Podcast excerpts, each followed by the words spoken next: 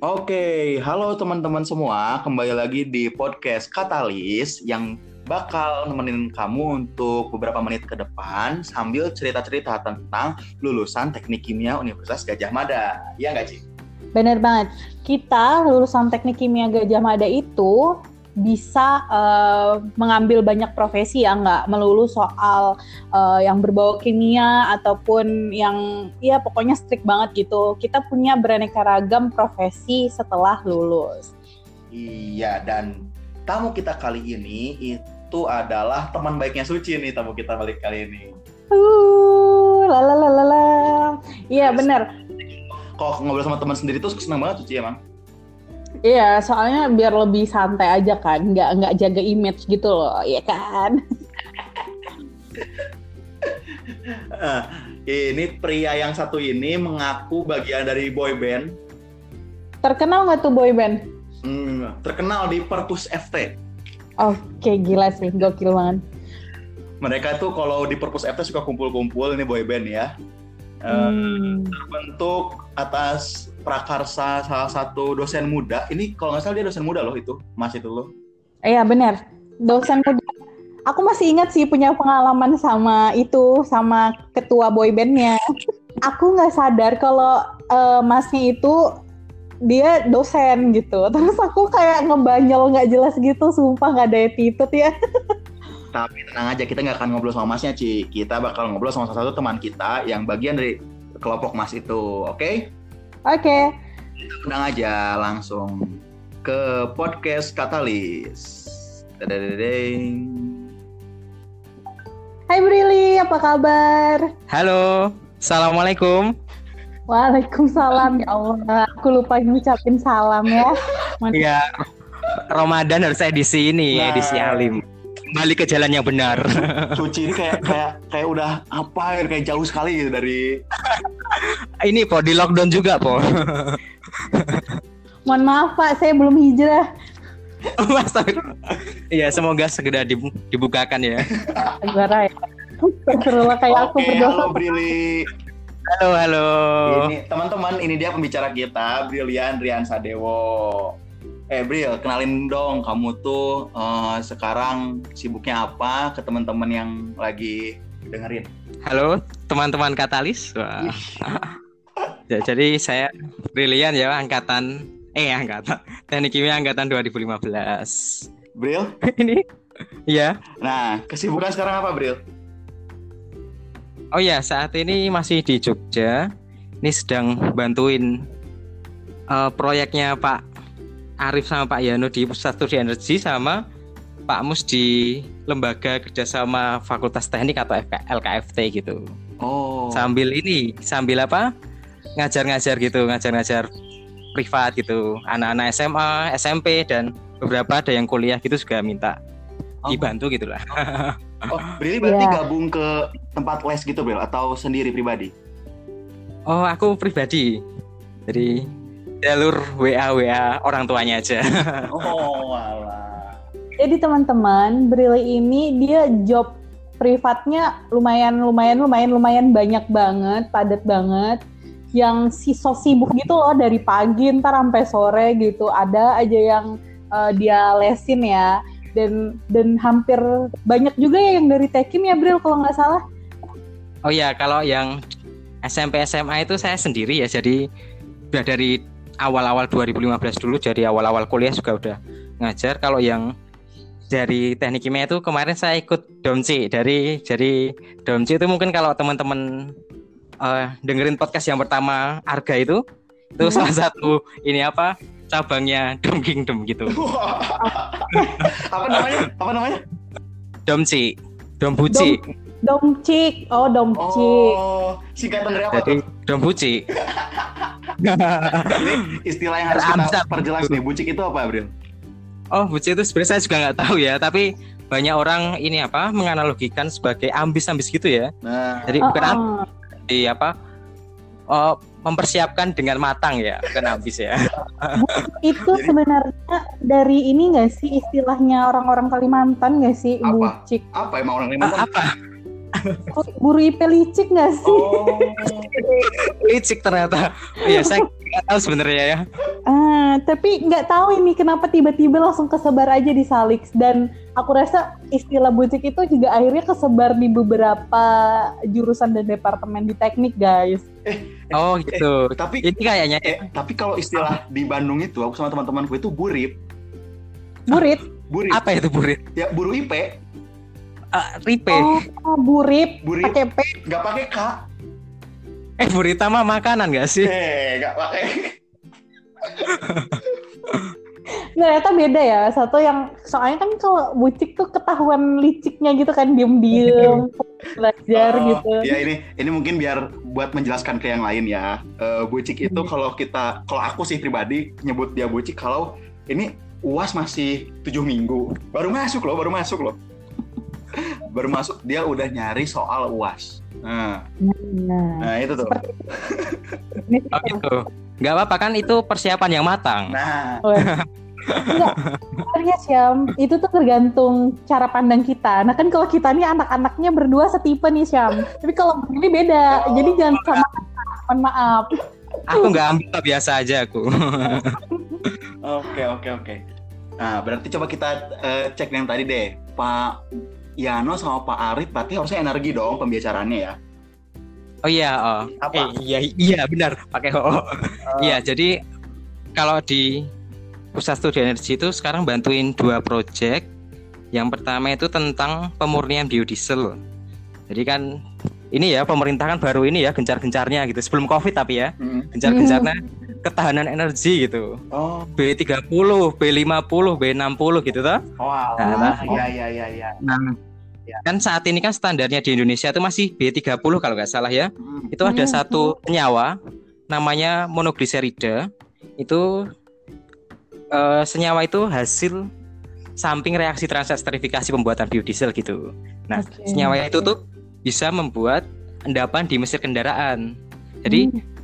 Kalau kita pengennya energi mix kan energi terbarukan dicampur dengan solar gitu ya biodiesel campur solar kalau kita masih pakai eh, standar yang sekarang itu nanti ke depannya bila pencampurannya lebih banyak biodieselnya akan membuat mesin kendaraan itu mesin kendaraan itu tidak kompatibel lagi gitu Oh.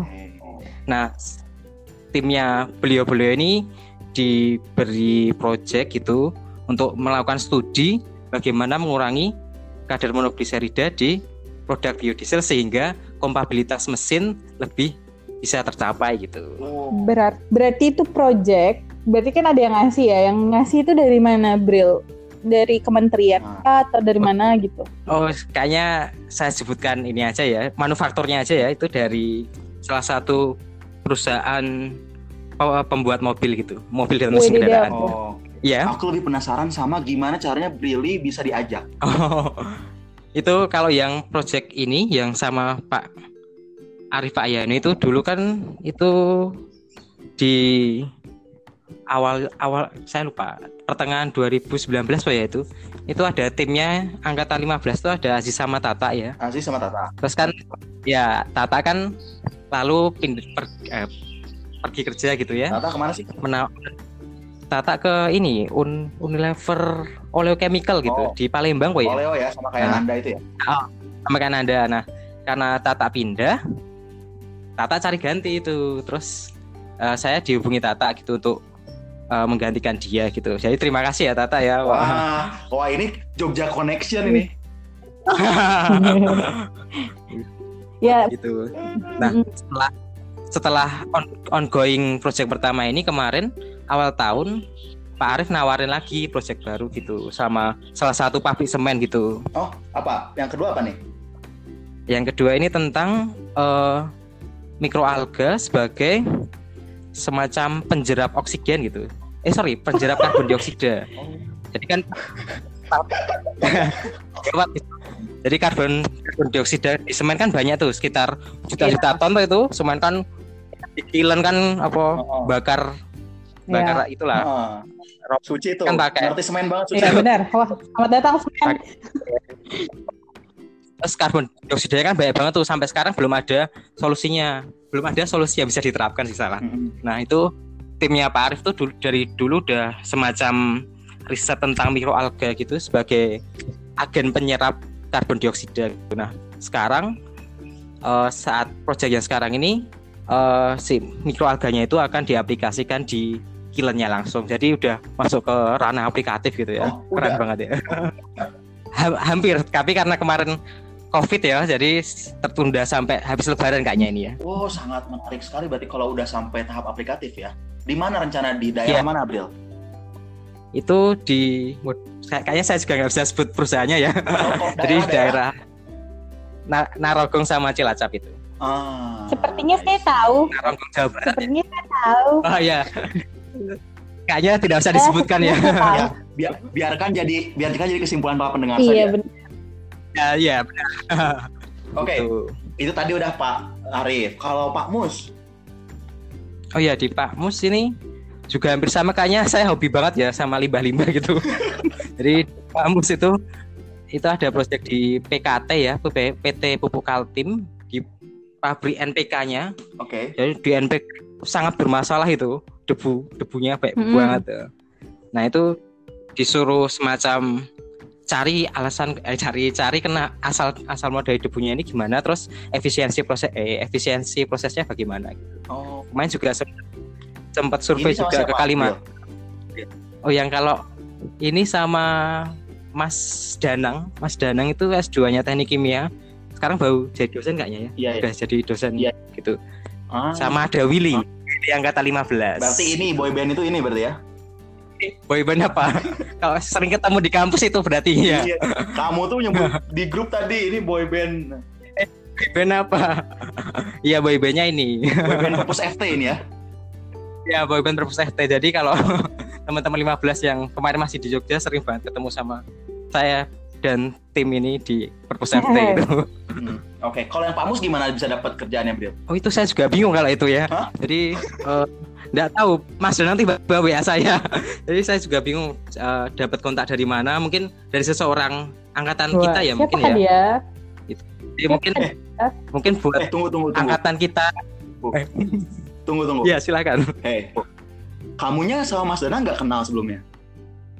Nggak kenal nggak tahu aku juga bingung sebenarnya terus aku pas tanya Mas Danang tuh Mas Danang juga nggak semacam nggak nggak ngaku siapa yang ngasih kontaknya Oh.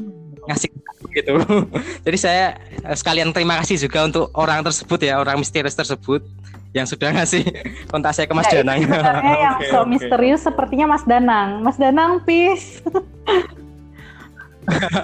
saya juga bingung sebenarnya Mas Danang tuh angkatan berapa sih, Bril? 12 kayaknya ya Oh, 12 ya. 2012 Nah, ini sekalian sekalian promosi nih, guys. Kenapa tuh?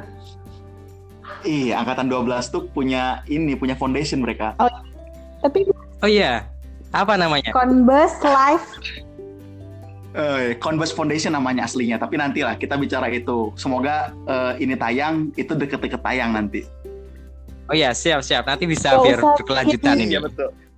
Nyambung nyambung Ini, topiknya ini teaser aja, teaser, Ah. teaser. Ya, Jadi teaser, nanti teman-teman akan penasaran siapa kira-kira yang akan bersama kita gitu. Iya. Oke oke oke udah nggak apa. Makasih Bril udah diarahin ke sana. Iya ini benar berarti Mas Danang tuh angkatan 2012. Aku tuh sebenarnya kenal sama Mas Danang Bril tapi karena dulu entropi. oh gitu Ah, aku nggak kenal waduh beliau tuh aku kan masuk entropi kan agak di belakang ya di terakhir-terakhir gitu jadi nggak kenal oh, semuanya Iya, iya, iya. Dia di awal waktu kita maba itu dia jadi pelatih desain. oh iya pantas desainnya bagus Iya, tuh desainnya bagus cuy. Dia tuh bisa ngilustrasi jadi sendiri. ini ya jadi apa ternyata entropi juga bermanfaat ya BSO BSO di teknik kimia ternyata bermanfaat juga Anda ini emang bermanfaat entropi woi. saya juga entropi maksudnya maksudnya ya bisa dipelajari dan dilatih ternyata Jadi itu nggak cuman kongko doang, tapi memang benar-benar bermanfaat. nah benar. Oke oke cukup deh. Tadi berarti udah Pak Mus. Nah Bril sekarang nanya kayak gini Bril. iya Ah. ah, gimana kan berarti sekarang kerjaan Bril itu adalah ngegarap proyek dari dosen.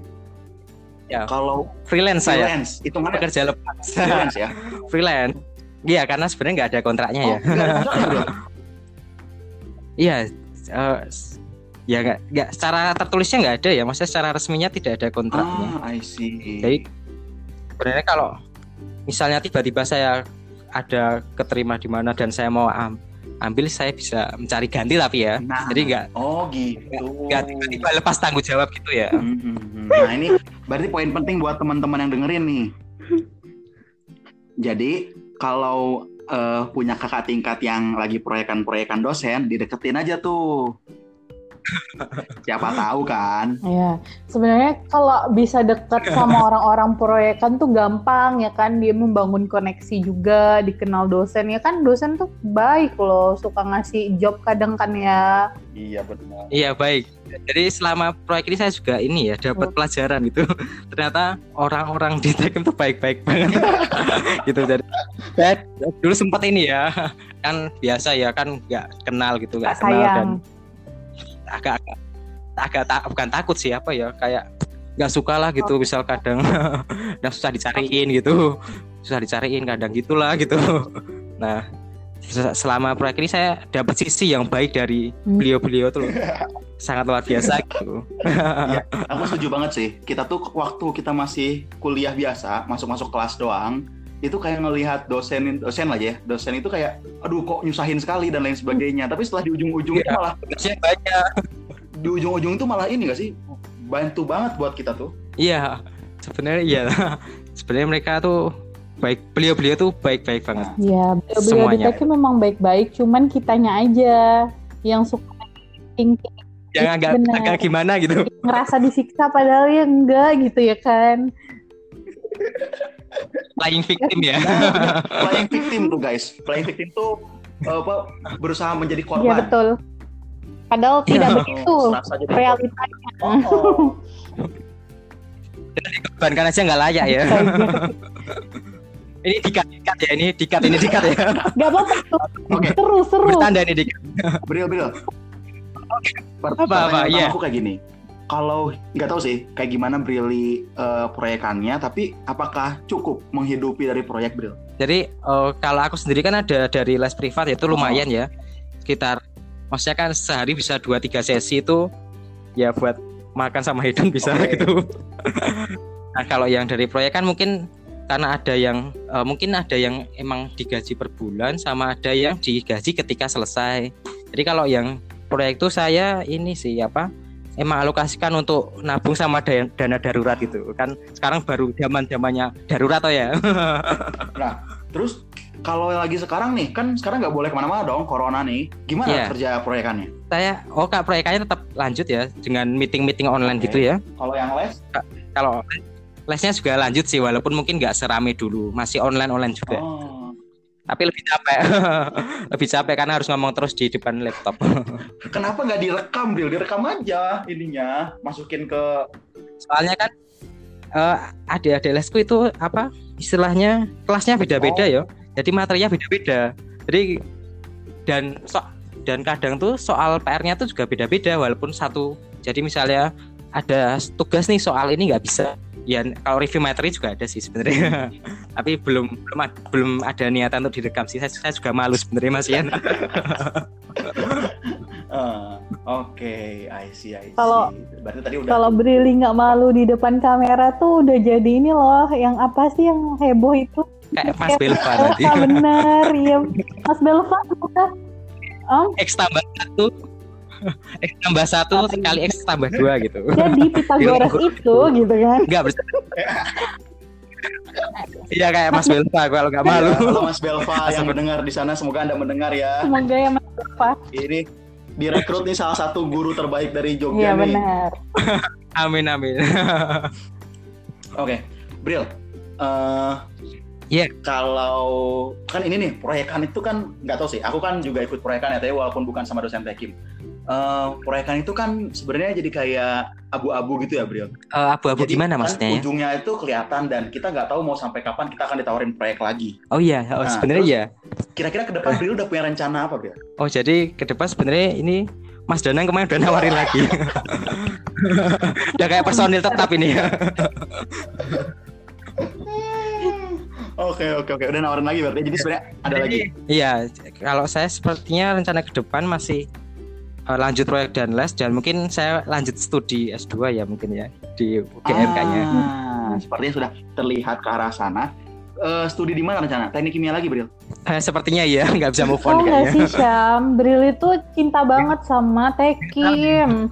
Ih, benar. Masih aku nggak sih, sih. ini pengalaman pribadi. Tapi kalau aku ya, misalnya aku kesulitan nih di Tekim, tapi ya aku nanyanya ke siapa lagi ya? Ke Brili kan. Ya aku sering aja gitu ngebom chat ke Brili. Bril ini gimana? Bril ini gimana? Nah dia tuh bisa menjelaskan sesuatu yang menurut aku itu susah aku mengerti. Tapi dengan caranya dia menjelaskan tuh ya, kita tuh bisa langsung paham loh. Kayak, wah ternyata segampang itu gitu loh. Ngerti gak sih Syam? Yang yang tadinya susah banget kita terima, terus pas dia jelasin jadinya jadi ejet kali gitu. Wah ini terlalu memuji nih jadi ini besar jujur kepala sih, ini. Bukan karena bukan karena kita friend ya, bukan ya. Sebenarnya Iya sebenarnya siap kalau siap. sebagai Ya, friend gue males Syam. banget cuy muji-muji di depan. Oke, oke. Ya. saya berusaha yang terbaik aja sih. Mungkin teman-teman lain juga banyak lebih hebat dari saya sih. Hmm. Gitu. Berarti eh, eh, coba aku tarik mundur ya. Bril itu lulus, lulus ikut proyekan, ikut proyekan, kepikiran untuk jadi dosen atau kebalik? Oh enggak, sebenarnya saya ada kepikiran buat kerja juga. Ah, kepikiran untuk kerja kenapa nggak diterusin? Dulu, jadi kapan ya? Eh, pas akhir-akhir TA lah buat bulan apa ya? Eh, Februari Maret 2019 lah kan. itu bukan teman-teman TA, 2015 woy, kan. Itu bukan akhir TA.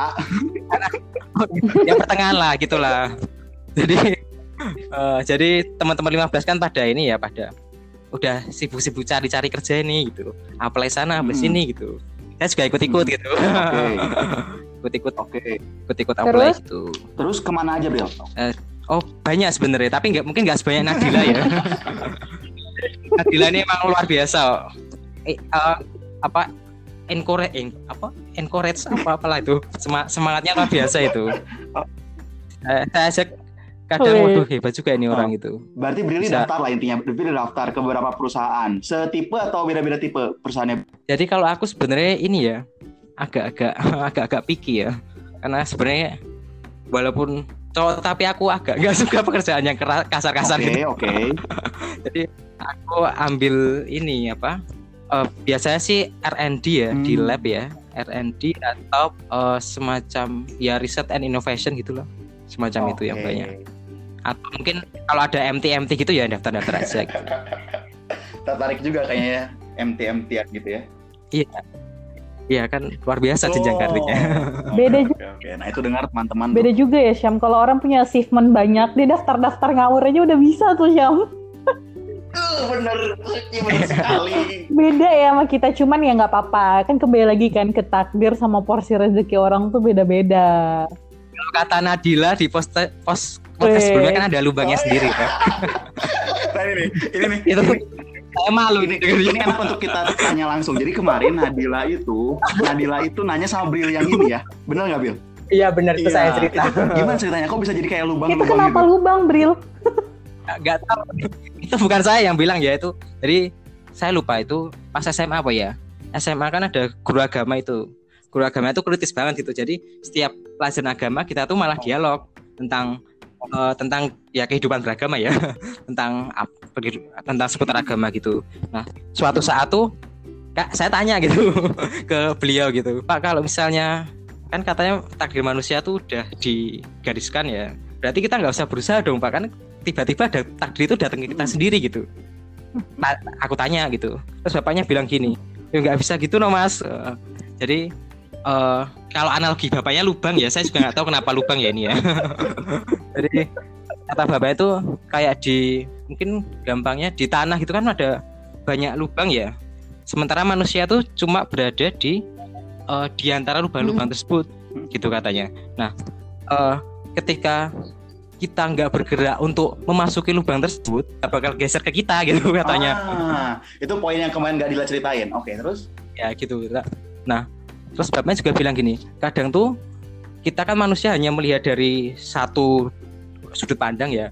Kadang tuh lubang di jauh sana tuh Hmm. kelihatan besar banget, tapi ternyata eh, nggak dalam dan nggak ada apa-apanya gitu, maksudnya nggak ada eh, maksudnya intinya ya enggak kita manusia tuh kadang terjebak dengan lubang yang sangat besar itu dan lupa bahwa sebenarnya di samping kita tuh ada lubang lain yang bisa kita ah, kita ah, masukin dan ternyata lebih dalam dan lebih mungkin lebih bermanfaat untuk kita gitu. Ah. itu analoginya kayak gitu. Saya ingat banget saya ingat betul itu kata-katanya. Wow ini hebat juga ini. Yang bikin tapi analogi lubang saya nggak tahu ya kenapa lubang ya Menarik, menarik. Akan saya cari lubang-lubang di sekitar saya besok ya. Semoga, Iya, yang penting kita berusaha semampu kita. lubangnya datang ke aku dengan cepat ya. Eh nggak salah, semoga Gak bisa, Aku- Suci. Lubangnya gak akan bisa datang ke kamu. salah. Aku ralat. Jadi semoga aku segera menemukan lubangku gitu. Kok, kok kayaknya agak a- gimana ya? Kayak Kalimat kayak kelinci. Suci berarti ya. Oh iya benar kayak kelinci. Aduh, aduh. Oke, oke. Cukup bicara tentang lubangnya. Kita lanjutin, Bril. Ya, siap siap. Kita Ya lanjutin. oke. Eh, tadi kita eh, tadi Brili udah sempat bilang bahwa Brili itu sempat daftar. Hasilnya apakah sampai tahap mana daftarnya, Bril? Oh macam-macam. Banyak yang Dari ditolak sih. Tapi berarti ada yang diterima dong. Kadang. Oh, jadi kadang ada yang baru screening CV udah ditolak. kadang psikotes Ah, pertama ditolak. Hari-hari saya. gitu tapi sama kayak semua orang ya nggak apa-apa itu bagian dari perjuangan dan eh, mungkin kita dapat bisa men- menerima manfaat dari perjalanan itu ya Iya, amin, Eh, amin. tau gak sih Syam? Brili kenapa jadi bijak Nah. banget dah? Loh, loh. eh, ini aku bijak itu hasil dari teknik Ini kimia. Itu hasil dari teknik Oh kimia, iya, Ci. outputnya ya. Outputnya anak teknik kimia UGM tuh kayak gini semua nih. Iya bener. benar-benar oh ya terus nyambung ke pertanyaan tadi ya jadi sebenarnya ada beberapa yang sampai offering juga sih Nah. Perusahaan apa aja itu Bril? oh kayaknya nggak usah Ah. disebutin ya Kalau kan Maksa Jadi- Suci. maksud aku Maksud aku kayak disebutin dia tuh di bidang apa Misalnya ke di bi- bidang oleochemical ke atau apa gitu Nah maksudnya kakak Oh, oh ya dulu sempat ada sat- satu dari tambang ya. Tambang tambang itu kan. Saya kan anaknya kayak gini ya kayaknya kalau ditambang aduh kok kok berat gitu. Terus terus yang lain Sa- satu tuh dari sel- industri Hmm. ini material. Oke. cat. Cat kayaknya. Oh cat ya oh. cat gitulah. Terus satunya ada ada PT plat merah lah gitu. Plat merah tentang eh, pengolahan hasil hasil Wah. perkebunan gitu Menarik ya. Mungkinkah itu ini? Biasa Nggak usah disebut, nggak usah disebut. Nggak usah Apa? disebut. Nggak usah disebut. Gak usah disebut biar biar disimpulkan oleh Iya, pendengar. biar semua pendengar aja. Cukup, cukup. Oke. Terus kenapa nggak diambil, Bril? Oh iya. Jadi sebenarnya sih cukup anu sih, ini sih apa pilihannya agak sulit juga sih sebenarnya. Tapi yang paling sulit itu yang eh, plat merah itu kan kayaknya berprospek ya. nah jadi pas eh, jadi alasannya mungkin ada dua ya. Satu faktor internal ya. Kalau internal tuh nggak tahu kenapa saya kayaknya nyaman di sini gitu Di sini di mana? nyaman tiap hari di Jogja mas ya maksudnya dengan kegiatan saya sekarang Hmm. gitu jadi tiap tiap sore ngajar gitu terus ketemu adik-adiknya ketemu adik-adik yang kadang kadang juga apa ada pelajaran yang bisa saya ambil gitu dari mereka mereka terus ngerjain proyek juga itu juga kayaknya saya masih nyaman untuk di posisi ini gitu Kayak, ini tuh zona nyamanku banget gitu Oke. Oke. kalau faktor eksternal mungkin ya ini ya mungkin agak cerita sedikit personal Hmm. gitu ya saya di Jogja kan tinggal sama ibu ya tinggal sama ibu aja sama Simba gitu Eh, dan kalau saya pergi ke lu, luar itu beli mereka mereka sendiri berarti ya dan kayaknya eh, semacam aduh sulit ngomongnya apa ya Eh, jadi mungkin itu salah satu pertimbangan saya ya untuk tidak mengambil offering offering tersebut gitu Oke. ini tuh juga semacam takdir saya ya takdir saya mungkin masih di sini Iya. gitu. Itu juga sempat Brili bahas di postingan Instagramnya Syam jadi dia mencurahkan isi hatinya itu di postingan itu. Jadi jadi Gila. Oh iya. teman-teman Aduh, malu yang jadi belum follow Instagram Brili silahkan ya follow. Oh, nama akunnya dong nama akunnya pansut ini saya juga lupa sebenarnya akunnya apa ya udah nanti cari sendiri lah Gimana gimana? Ya, lanjut lanjut pertanyaannya. Eh, kalau gitu berarti kan pertanyaannya sekarang ini udah ditentukan sejak berarti Januari lah ya. Berarti udah menentukan bahwa oke di Jogja, iya nggak sih? Iya, iya akhir Januari ya. Oke, akhir Januari. Sampai sekarang apakah ada penyesalan, Bril? Waduh, pertanyaannya gitu banget Iya, ya.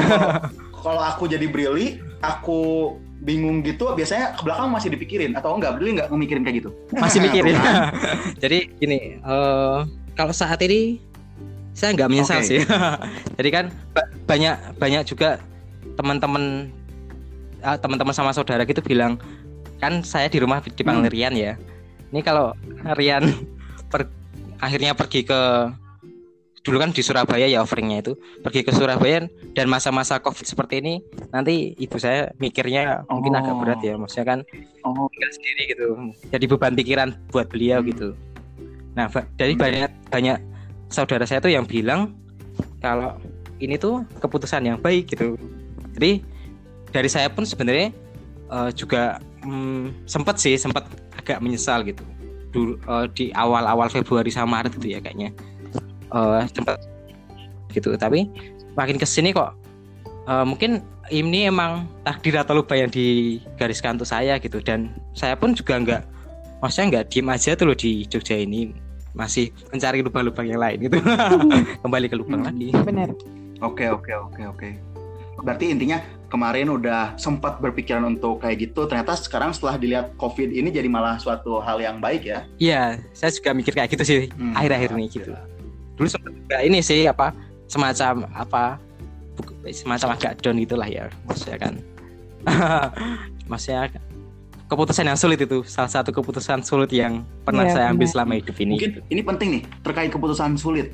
Karena kalau udah lulus tuh banyak orang-orang yang akan menghadapi keputusan keputusan-keputusan sulit ya nggak sih? Nah, iya oh Bri- pasti. Punya tips nggak buat kita kita untuk gimana caranya biar lebih yakin dan mantap gitu? kalau yakin dan mantap ini ya eh, pertama sih kalau saya kembalikan ke yang di atas satu Tuhan jadi saya pas itu juga sema- semacam sholat Hmm. istihoroh gitu ya lalu selanjutnya tentunya diskusi dengan orang tua pasti dan saudara-saudara dan mungkin teman-teman yang eh, teman-teman yang bisa kita Oke. percaya gitu yang bisa memberikan insight-insight baru gitu pandangan-pandangan yang Hmm. baru gitu dan tentunya eh, saat pengambilan keputusan tersebut kita harus yakin kalau suatu saat kita tuh nggak akan menyesal tentang data- Mm-mm. tentang mengambil keputusan itu Kak menurut Oh, saya. Kadang tuh kita juga berpikir bahwa apa yang kita ingin tuh itu yang terbaik gitu loh. Padahal kan kayak Allah tuh ngasih sesuatu yang terbaik buat kita. Cuman ya tergantung sudut pandang kita gitu loh, Tems. iya benar jadi kalau bisa sudut pandangnya diubah ya jadi lebih positif walaupun saya juga masih mungkin belum bisa Iya sih, Sampai situ sebenarnya ya. orang itu tuh pasti bakal galau banget sih ya Bril ya. Apalagi kan kamu juga udah sampai di offering kan itu udah step terakhir kayak oh my god tinggal deal dealan aja udah langsung capcus udah pergi ya kan.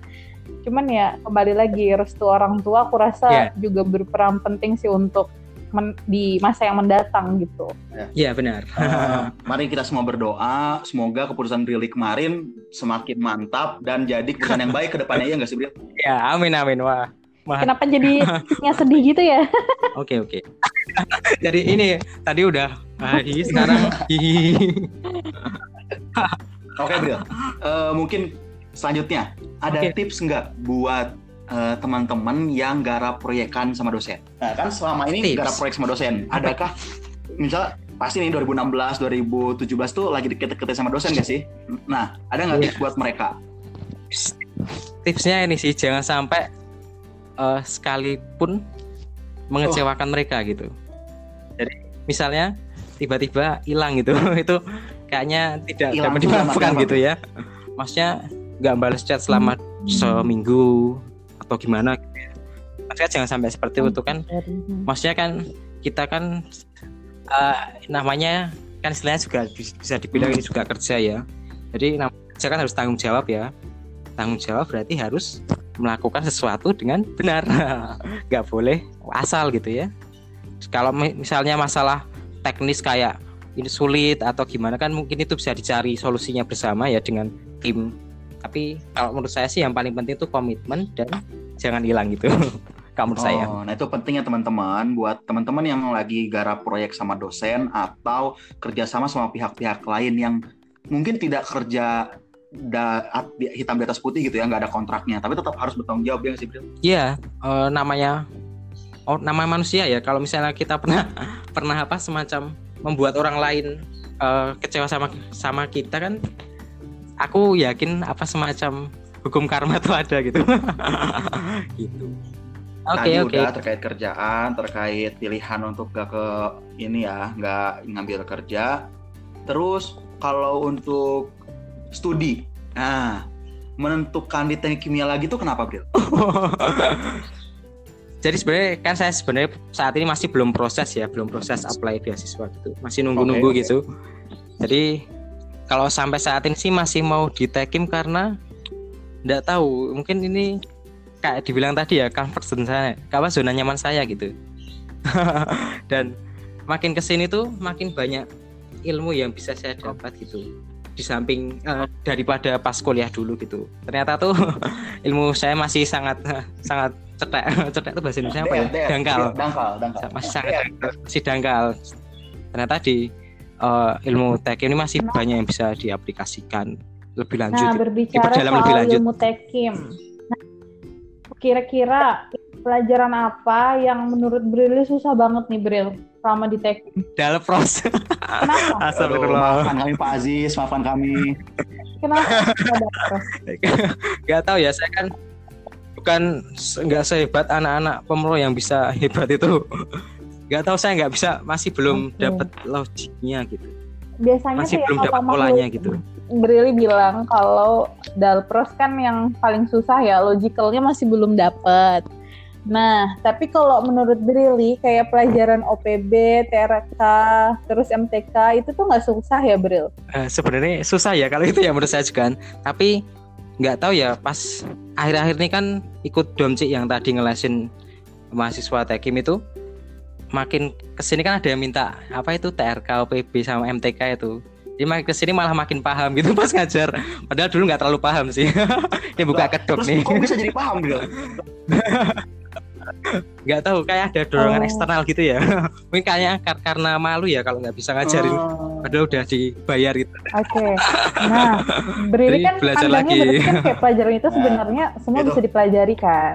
Nah, boleh dong, Bril bagi info nih buat pendengar podcast kita. Cara belajar kamu tuh seperti apa Iya. sih? Kayak kalau aku merhatiin tuh kamu tuh selalu aja gitu paham sama materi-materinya meskipun itu susah gitu. Oke, sebenarnya nggak terlalu paham-paham banget ya, nggak sehebat kayak Hafiz atau Arga gitu ya. Jadi kalau aku sih sebenarnya juga dulu nggak tak terapin sih. Jadi sebenarnya menurut saya tuh kunci dari belajar itu diulangi. Jadi misalnya harusnya ketika setelah kuliah atau sorenya atau malamnya tuh disempatin Nah, 10 menit Kalau review gitu. kamu gimana? Tapi saya kamu juga nggak ngelakuinnya bisa gimana tuh? melaksanakan melaksanakan itu sih dulu. Gak tahu ya. Jadi saya juga agak deadline-nya juga sih kalau belajar sih. Tapi satu hal, eh, kalau saya kayaknya kalau belajar dorongan eksternal lebih lebih ma lebih apa lebih berpengaruh untuk saya ya. Jadi ketika kalau ada teman tanya tuh saya berusaha keras tuh jawab. Dibanding saya kalau punya pertanyaan tuh malah aduh ini bisa dipelajari besok lah gitu. Tapi kalau ada teman nanya tuh biasanya aduh ini harus bisa ini. Udah. Oh. Maksudnya kan Kayak caranya, buat- kayak semakin banyak orang yang nanya ke kamu, teman juga berarti gitu. semakin kepo kamu akan itu gitu ya. eh, teorinya itu tapi nanti ada titik jenuhnya juga sih. Maksudnya ketika Berarti banyak banget yang nanya gitu. coba pikirin ya, Bril. Ini tuh sangat kepake banget kalau kamu berniat jadi dosen, Bril. Loh, Oh gitu. iya dong. Ya bener Kan sih. dosen ditanya nanti. Dan sekali Iya, kamu bener. jadi dosen, kamu akan malu kalau nggak bisa jawab pertanyaan mahasiswamu. Iya itu mungkin eh, pola pikir yang Iya. benar ya harusnya ya. Tapi saya juga masih belum bisa melaksanakan itu Semoga ya. istiqomah aja di jalan itu ya, Bril. Amin, semoga bisa diterapkan lebih lanjut. Enggak, si Oke. Hisham Oke. I- Oke. Ini udah cukup lama. Kita udah bahas cerita tentang Brili, udah kayaknya ada yang mau diceritain lagi nggak, Bril? Apa pengalaman paling ngeselin di Tekim, Bril? langsung aja. Waduh, nyebut merek ini kalau ini nyariin orang, nyariin dosen, Oh. nyariin dosen. eh, dikat, dikat, dikat. Saya cari bahasa yang bagus. Saya Bener, cari bahasa yang itu bagus. bagus, Bril. Biar nanti bisa aku ceritain bahwa Iya Nah, benar. nanti Iya, besok bener. Bril kalau jadi dosen, Biar nggak buat nasihat. cuma dicari mahasiswanya. Benar. Sebut saya. gitu. Benernya ini agak egois sebenarnya agak egois juga sih ini maksudnya kan Nah. beliau-beliau kan sibuk tau dan dan kita nggak nggak bisa Oh, ber- menjudge ber- kalau beliau tuh nggak mau Ah. ditemuin tapi emang baru sibuk aja ini ini subjektif ya ini Tapi ini subjektif bagus jadinya bahwa ketika dulu kita merasa itu memberatkan, ternyata setelah agak lama kita pikirin, eh ternyata ini tuh adalah hal Hmm. yang eh, kita loh yang egois kalau kita masih maksa ya nggak sih Bro? ya sebenarnya iya cuma kadang juga kesel juga nama manusia ya kayak pola pikir kayak gitu tuh karena kita mulai dewasa nggak sih teman-teman? Jadi itu kayak ya eh, kan dulu kan masih pas masih kuliah masih bocah. gila Terus kan pas sudah lulus Gila, kan udah mulai menuju dewasa kayak gitu ya meskipun masih childish sih. Semoga Suci bisa semakin lebih dewasa lah kalau gitu Apa ya. yang didoain cuman aku doang yang berarti kekanakan Amin. aku doang ya. malah apa ini So- Soalnya Udah aku pengen dewasa. bertahan seperti ini aja lah, nggak usah. Banyak juga kalau aku dewasa bisa capek. di freeze waktunya juga pengen di sini-sini aja nggak mau tua. bener sih bener Oh gitu. Kalau aku, nggak mau di freeze waktunya. Kalau sekarang aku miskin gak punya uang.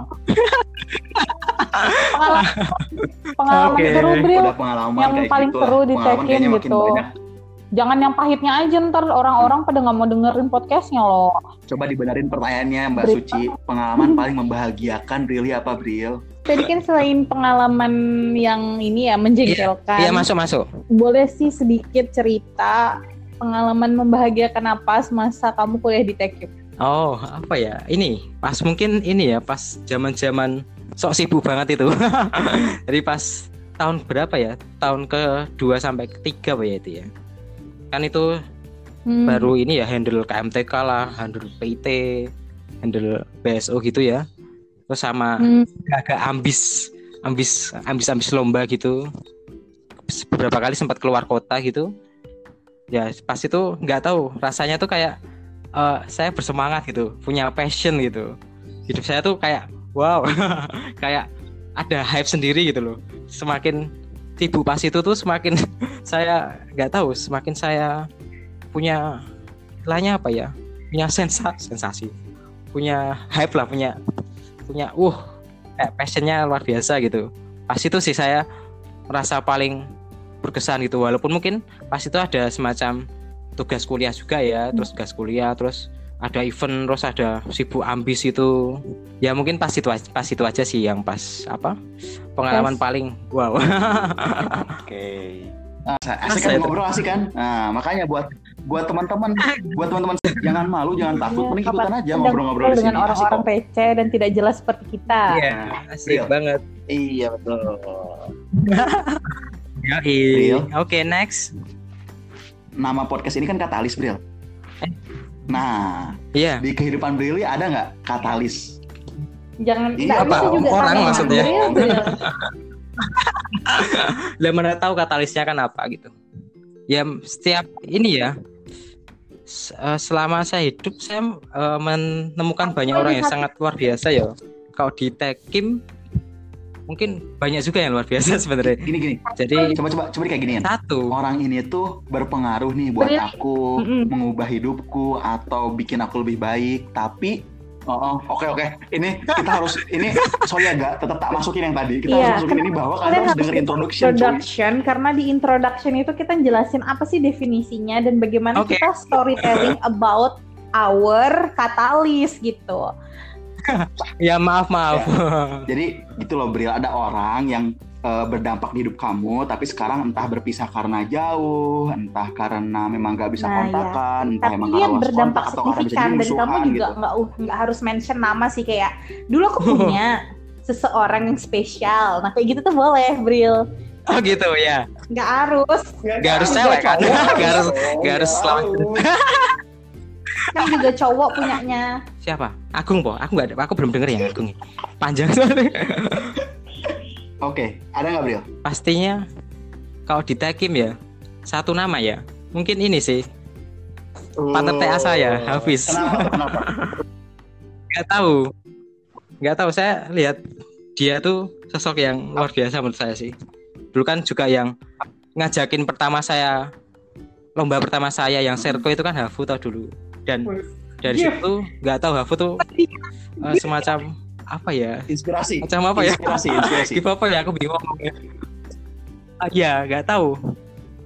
Eh, kayaknya dan Blas itu kan yang membuka jalan saya untuk kenal sama Pak Bayu kan pas lomba itu ya jadi bisa disimpulkan bahwa yang membuka jalan saya di Tekim sehingga bisa sampai saat ini tuh ya Afu gitu dan Ivan sih gitu gitu dan dan pas walaupun mungkin saya nggak nggak terlalu deket banget ya maksudnya iya ya ngomongnya dulu nggak terlalu deket banget sih tapi pas jadi partner TA tuh saya semakin ini tapi kan apa dapat mendapat pelajaran-pelajaran positif dari dia tuh. Maksudku sampai luar biasa. Mungkin masih baik-baik saja kan. Kita kan apa? masih kontek-kontek kan, Bril. Ya kan da, dibilang tadi yang oh, jarak gitu. jauh. Oke, oke, oke. Billy itu Billy itu pengennya deketan terus gitu loh, Suci. Oh. Ini.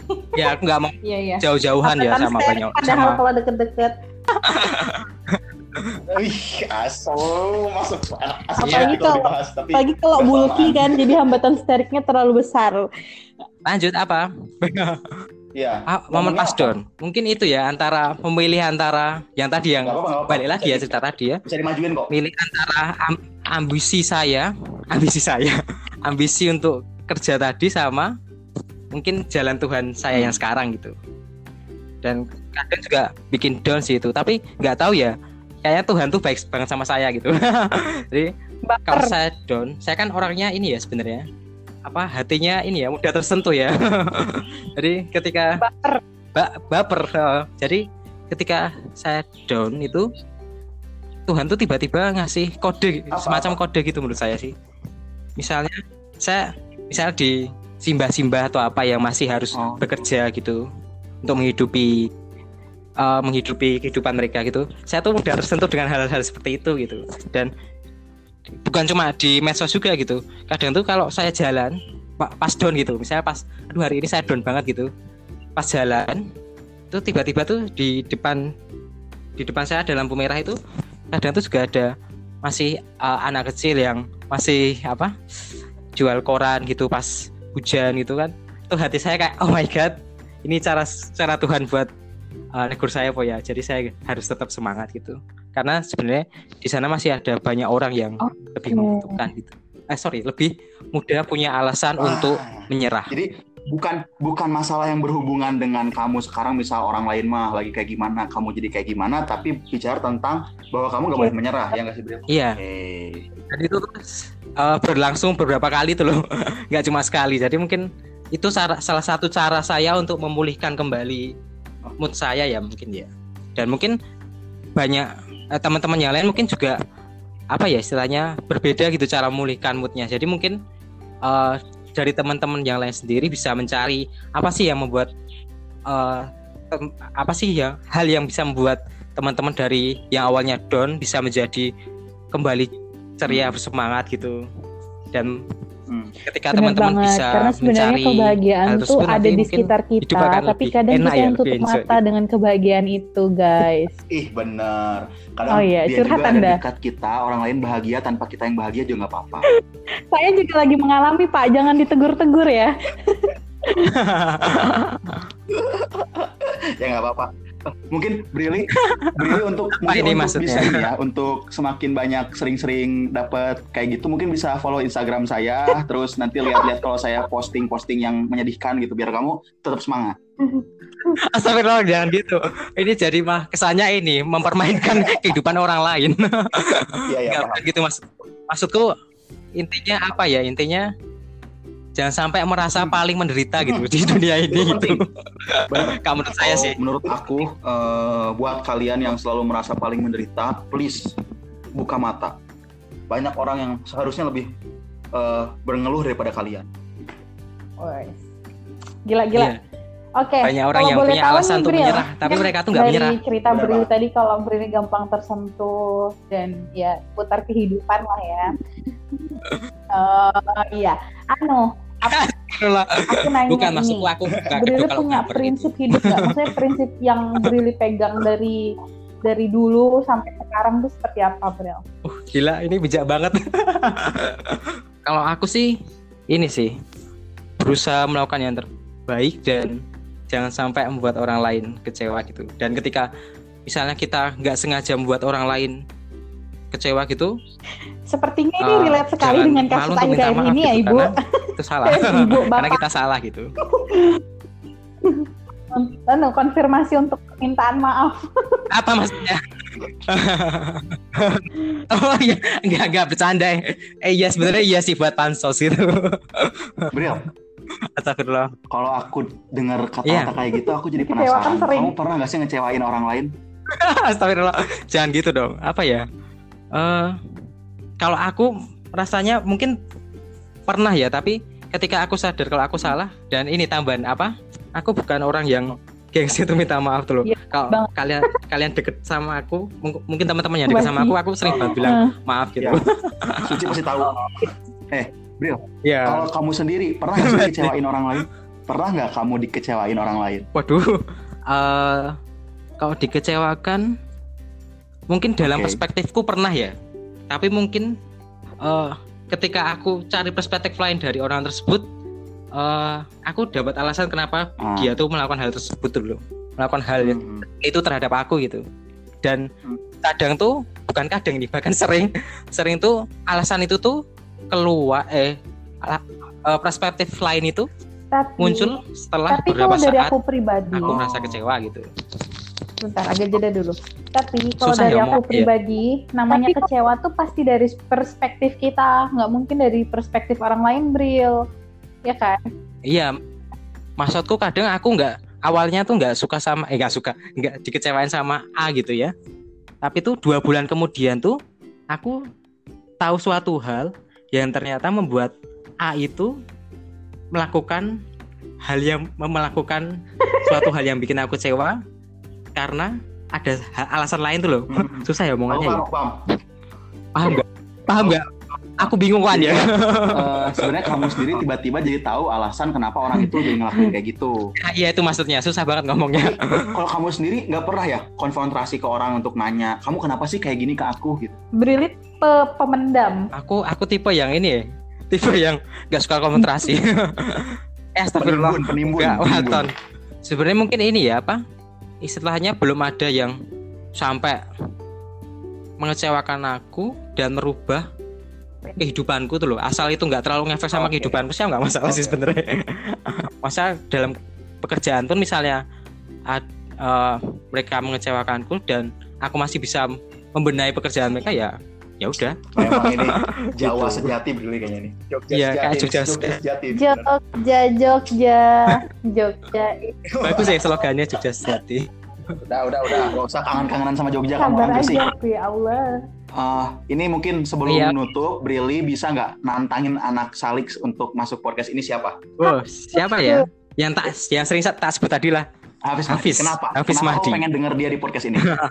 nggak tahu mungkin kalian teman-teman bisa gali suatu hal yang ya, kan Luar biasa aku dari tahu dia apa yang gitu. harus digali kalau kamu nggak nanya.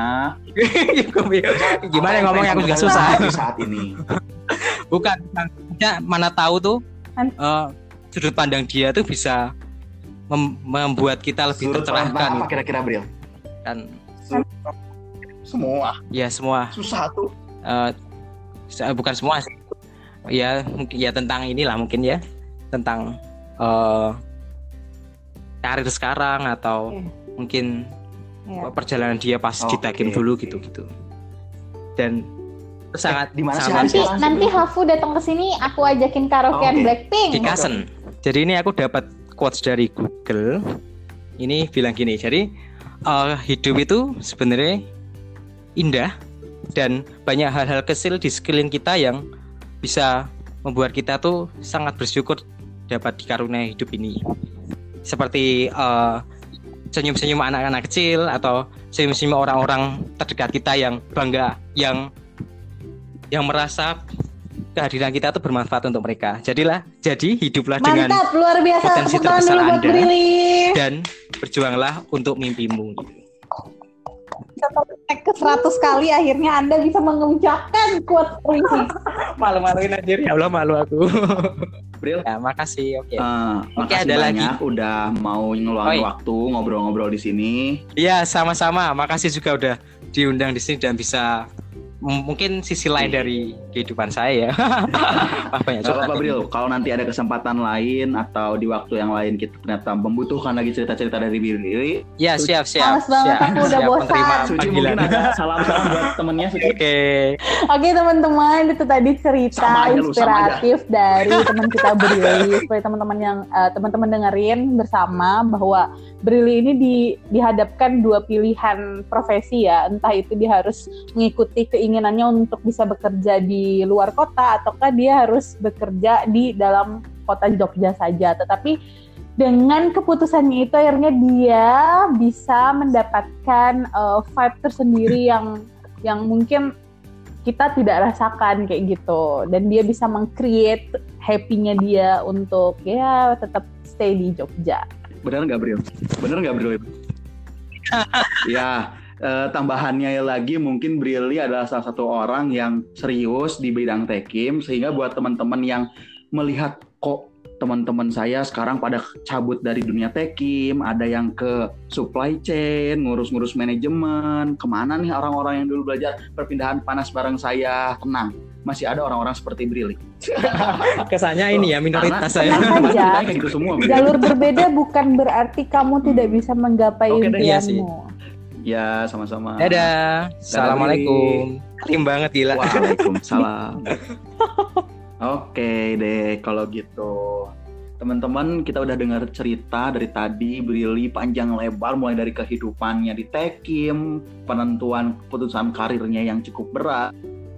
Sampai Enggak Eh, sih, kisah-kisah yang itu bisa aja karena mungkin teman-teman sudah bisa mengambil anu ya hikmah di balik cerita Brili bahwa sebenarnya itu segala sesuatu tuh indah kalau kita lihat perspektif yang berbeda gitu.